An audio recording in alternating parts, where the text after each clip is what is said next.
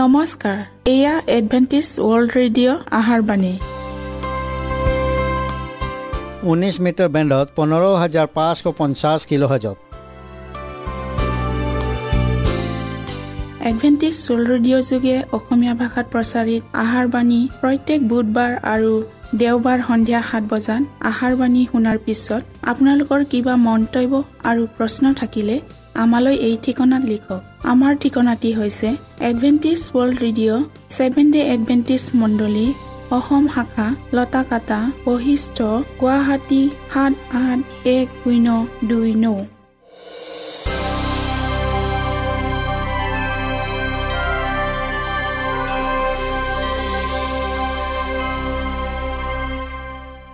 প্ৰিয় শ্ৰোতা বন্ধুসকল এতিয়া শুনো আহক এটি খ্ৰীষ্টীয় ধৰ্মীয় গীত।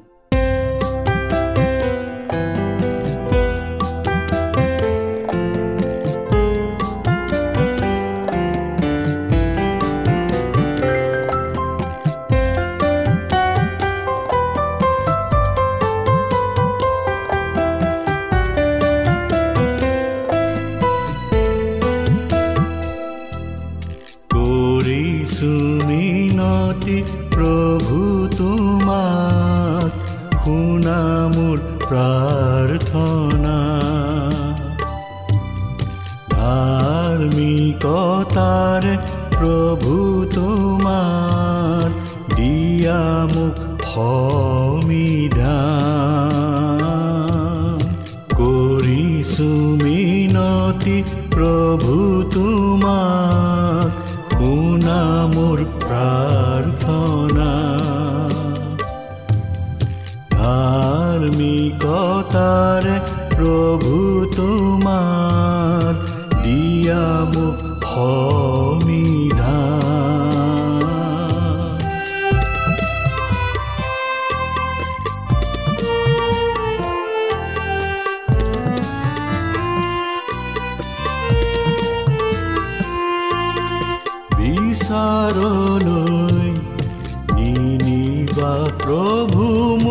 धार्मिक न हो जे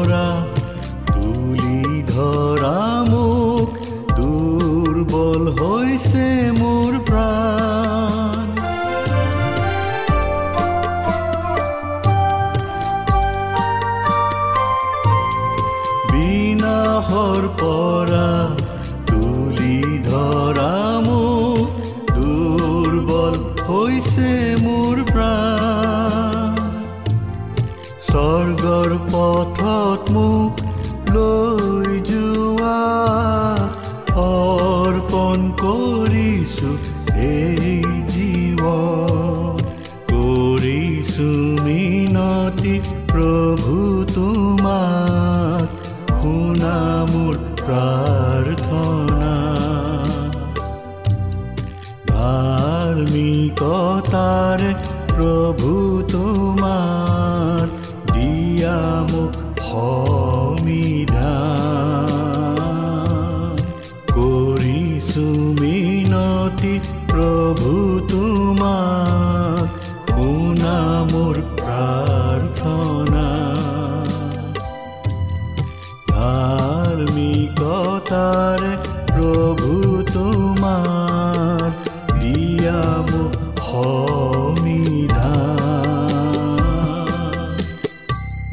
প্ৰিয় শ্ৰোতা বন্ধুসকল আহক আমি ক্ষন্তেক সময় বাইবেল অধ্যয়ন কৰোঁ হওক।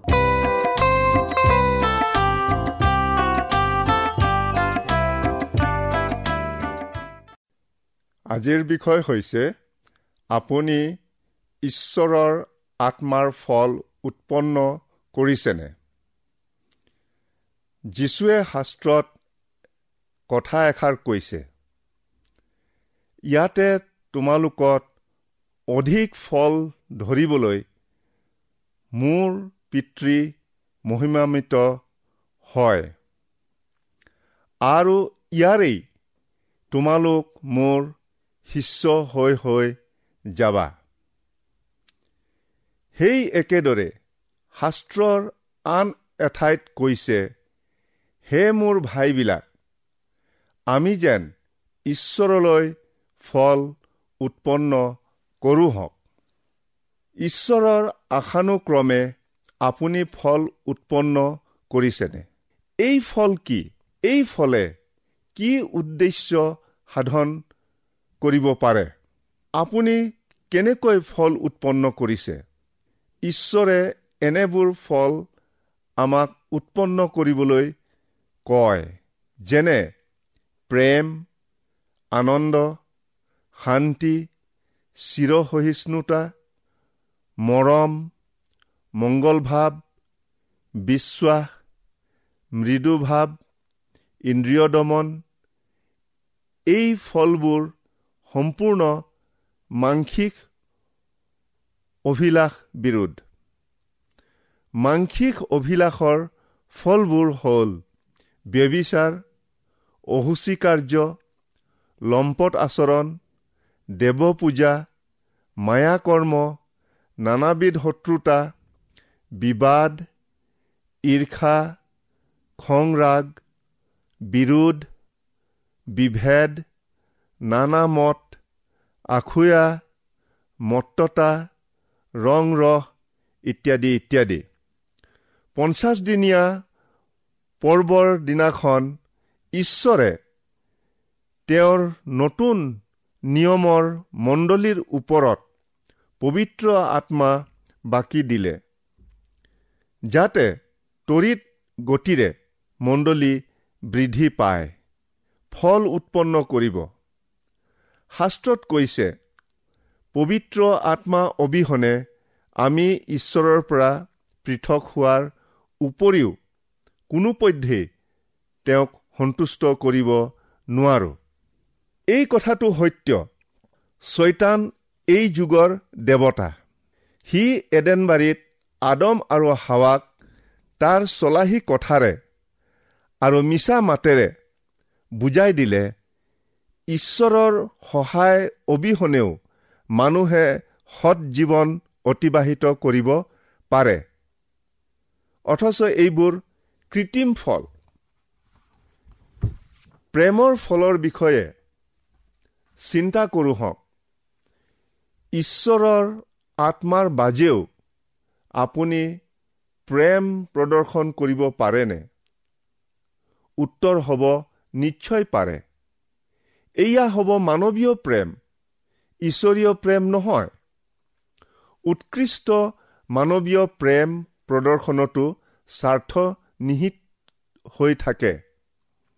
কিন্তু ঈশ্বৰৰ আত্মাৰ দ্বাৰাই আপুনি আনৰ প্ৰতি ঈশ্বৰীয় প্ৰেম দেখুৱাব পাৰে। শাস্ত্ৰত কৈছে কিয়নো আমাক দিয়া পবিত্ৰ আত্মাৰ দ্বাৰাই আমাৰ হৃদয়ত প্ৰেম বাকী দিয়া হৈছে।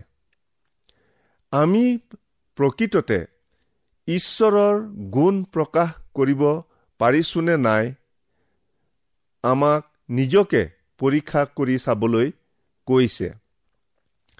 আমি আমাৰ নিজ শক্তিৰে উৎপন্ন কৰা ফলবোৰ গ্ৰহণীয় নহয় কাৰণ আমাৰ নিজৰ মানৱ ধাৰ্মিকতা চোৱা ঈশ্বৰৰ আত্মাই আমাৰ হৃদয়ত বিজুলী শক্তিৰ দৰে মটৰ গাড়ী কম্পিউটাৰ বা তেনেধৰণৰ যন্ত্ৰত ব্যৱহাৰ হোৱাৰ নিচিনা নহয়।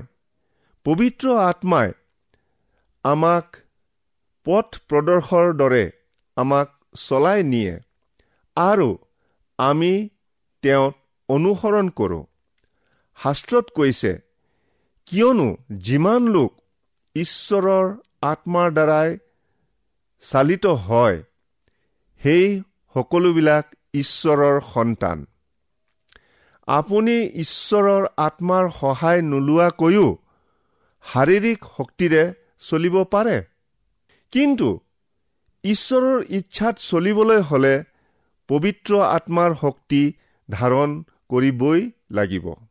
কিয়নো মানুহৰ মনৰ কথা মানুহত থকা নিজৰ আত্মাত বাজে মানুহবিলাকৰ মাজৰ কোনে জানে?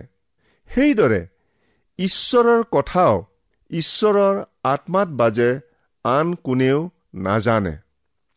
ঈশ্বৰে অনুগ্ৰহ কৰি আমাক যি যি দিলে সেইবোৰ জানিবলৈ আৰু আমি জগতৰ আত্মা নাপায় ঈশ্বৰৰ পৰা আত্মা পালোঁ। আপুনি যেতিয়াই পবিত্ৰ আত্মাৰ প্ৰতি সঁহাৰি জনাব তেতিয়াই আপোনাৰ চিন্তাধাৰা আৰু কৰ্মৰ ঈশ্বৰৰ দৰে হ'ব।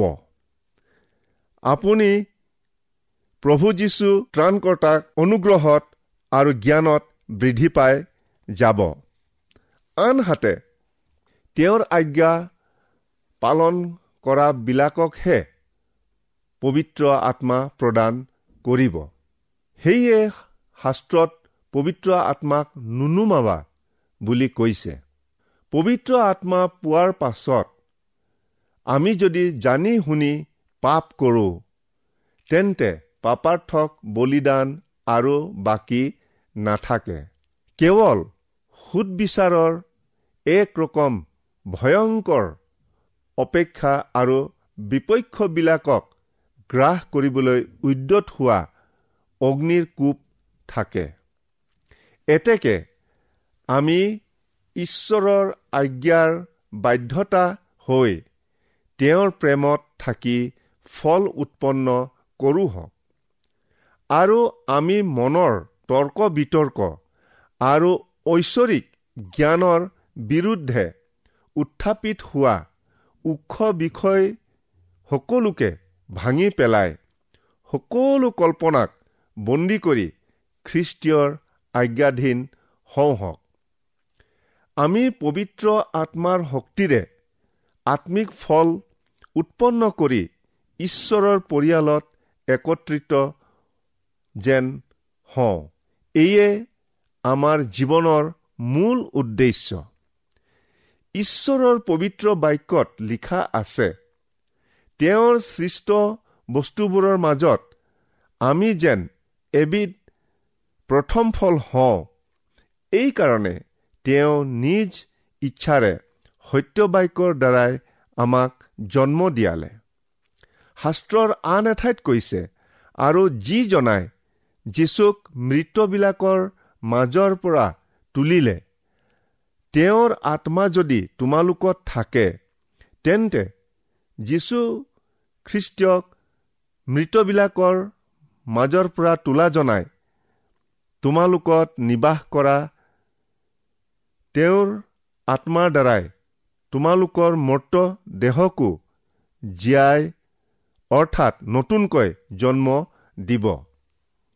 এতেকে খন্তেকীয়া ভোগবিলাসৰ সোঁতত নিজকে উটুৱাই নিদি ঈশ্বৰৰ ইচ্ছাৰ আঁচনিৰ লক্ষ্যৰেখাত চলো হওক অৱশেষত স্বৰ্গীয় পিতৃয়ে ক'ব ইয়াতে তোমালোকত অধিক ফল ধৰিবলৈ মোৰ পিতৃ মহিমামিত হয় আৰু ইয়াৰেই তোমালোক মোৰ এতিয়া আমি আৰম্ভণিতে উল্লেখ কৰি অহা আত্মাৰ ফলৰ বিষয়ে চমুকৈ পুনৰ আলোচনা কৰোঁ হওক মনত ৰাখক যেতিয়া ঈশ্বৰে পবিত্ৰ আত্মা আমালৈ পঠাই দিছে। আৰু সেই পবিত্ৰ আত্মাৰ পদ অনুসৰণ কৰোঁ তেতিয়াৰে পৰাই আমি আত্মিক ফল উৎপন্ন কৰিবলৈ আৰম্ভ কৰোঁ।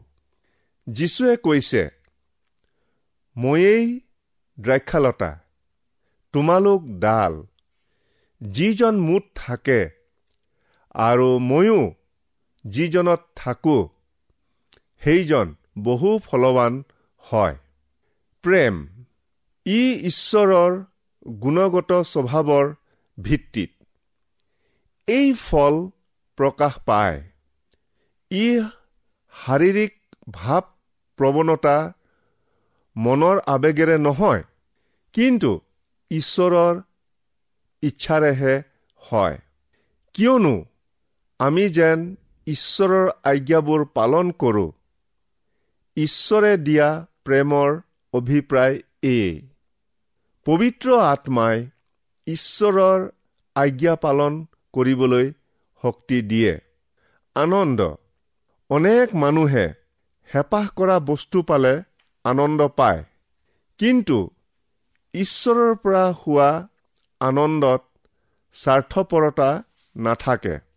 শাস্ত্ৰত কৈছে যীশুৱে তেওঁৰ আগত থকা আনন্দৰ নিমিত্তে অপমানকে সেৱজ্ঞান কৰি ক্ৰুচ যন্ত্ৰণা সহন কৰিলে।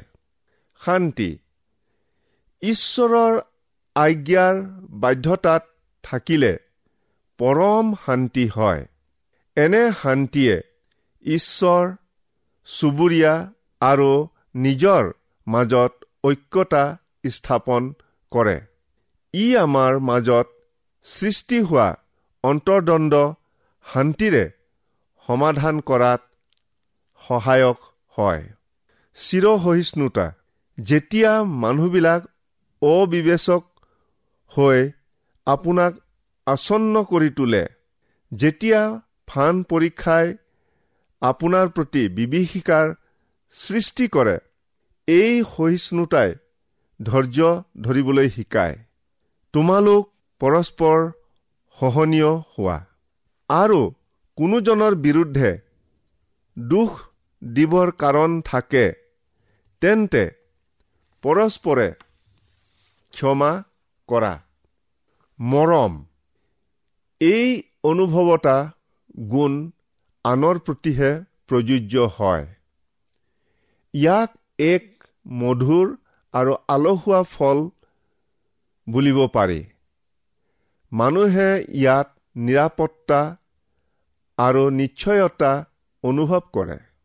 শাস্ত্ৰত লিখা আছে কিন্তু তোমালোকৰ মাজত মৃদুশীল হৈ পিয়াহ দেউতাই যেনেকৈ নিজ সন্তানৰ লালন পালন কৰে তোমালোক তেনে হোৱা। মংগল ভাৱ এই গুণৰ আন এটা নাম উদাৰতা। অৰ্থাৎ মুক্ত হস্তে আৰু হৰ্ষিত মনেৰে দিয়া।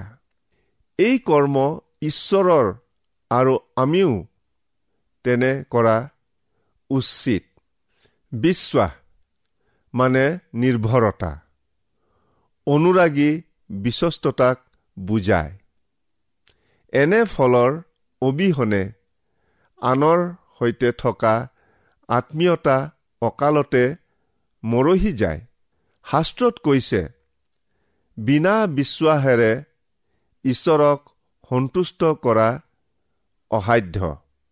মৃদু ভাৱ এই ফলে দুৰ্বলতা নুবুজায়। বৰং ই নম্ৰতা প্ৰকাশ কৰে। আৰু গৰ্ব অহংকাৰ খৰ্ব কৰে। এই গুণৰ দ্বাৰাই আমি আনক অধিক শ্ৰদ্ধা কৰিবলৈ আৰু সংকটৰ সময়ত নিজকে নিয়ন্ত্ৰণ কৰিবলৈ শক্তি প্ৰদান কৰে। যেনে লিখা আছে তোমালোক অনৰ্থক দৰ্পেৰে একো নকৰিবা। কিন্তু নম্ৰভাৱে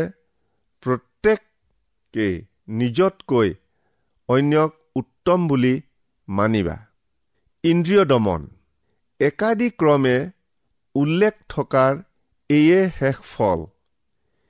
ই আন সকলো ফলক স্বপ্ৰভাৱ বিস্তাৰ কৰে। আৰু সকলো সময়তে আমি ইয়াৰ প্ৰয়োজন বোধ কৰোঁ। এই আটাইবোৰ ফলেই ঈশ্বৰৰ নিখুঁত গুণৰ উপাদান যি ফলবোৰ তেওঁ আমাৰ স্বভাৱৰ যোগেদি প্ৰকাশ কৰিব খোজে। এতেকে আমি তেওঁৰ সৎ ইচ্ছাৰ ব হৈ পবিত্ৰ জীৱন যাপন কৰিবলৈ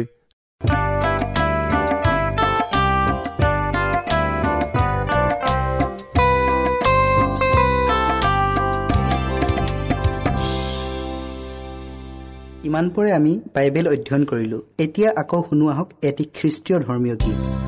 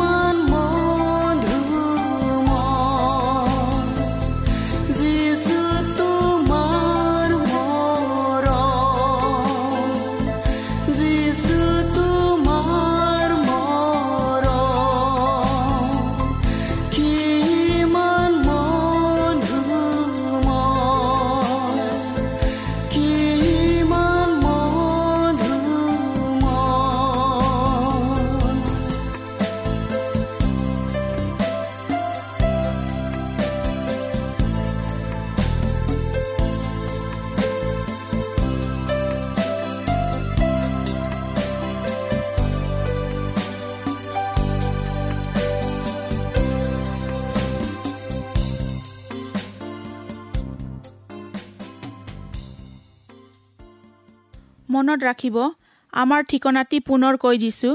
Adventist world radio' Assam region of seven day Adventist voice of hope Latakata Basistha Guwahati seven eight one zero' two nine প্ৰিয় শ্ৰোতা বন্ধুসকল এডভেণ্টিজ ৱৰ্ল্ড ৰেডিঅ' যোগে আহাৰবাণী প্ৰচাৰত আপোনালোকক পুনৰ লগ পোৱাৰ আহাৰে আজিলৈ সামৰিলোঁ। ধন্যবাদ।